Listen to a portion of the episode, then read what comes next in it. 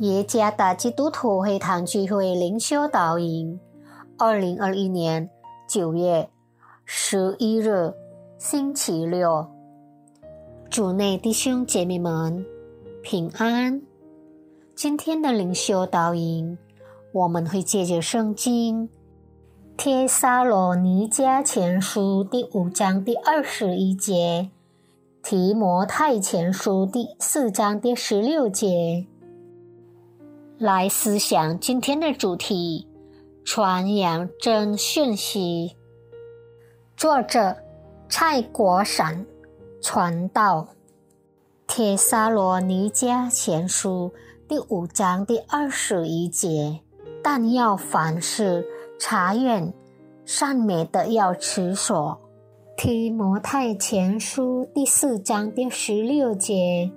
你要谨慎自己和自己的教训，要在这些事上恒心，因为这样行，又能救自己，又能救听你的人。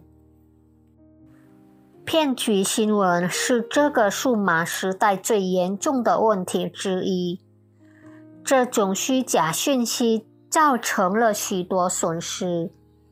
仅是物质或精神上的损失，甚至不少因骗局新闻带来的死亡，尤其是关键性重要的讯息，例如如何处理有关新冠肺炎的新闻，不是单单一般大众新闻被歪曲。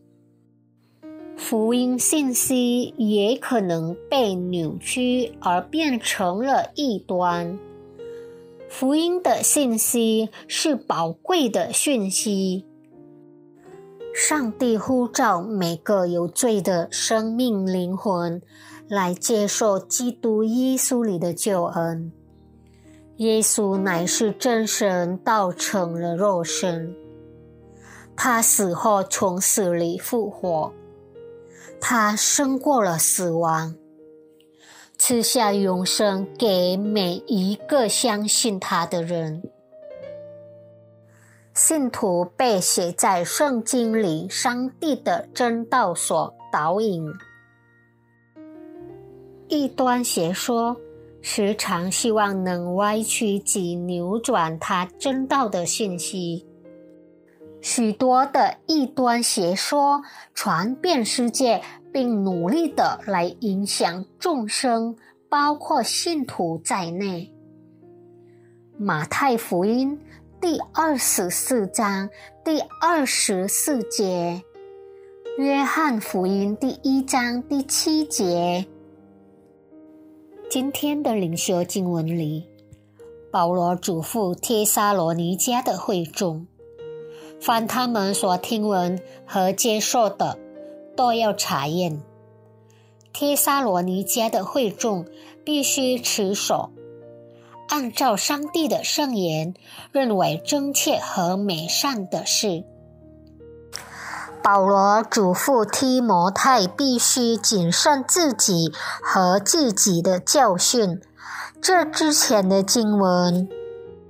保罗要提摩太勤奋阅读和学习圣经第十三节，并且恳切渴望能活出这真理。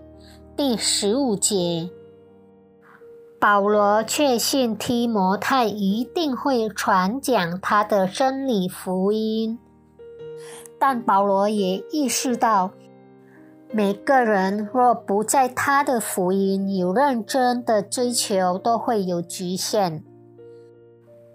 没有一个人，包括提摩太，能免于犯错。因此，保罗提醒提摩太要持续阅读、梦想及活出他的圣言，那将会对他的生活产生影响。并传承给他所服侍的会众。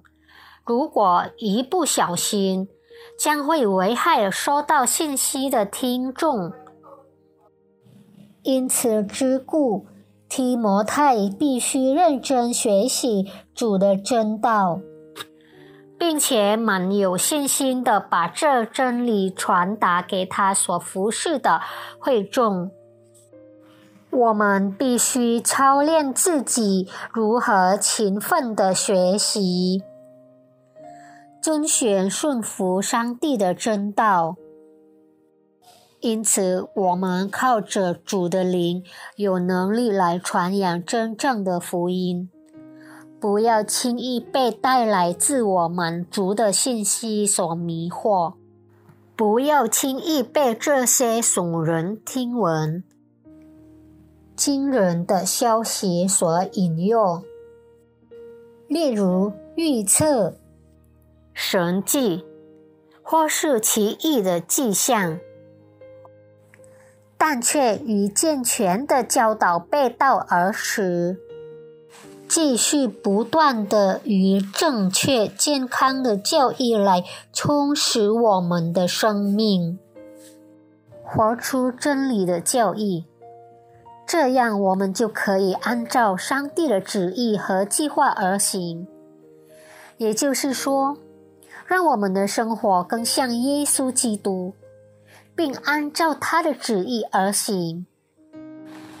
不要太自信，以为我们绝对不会误解和误传福音。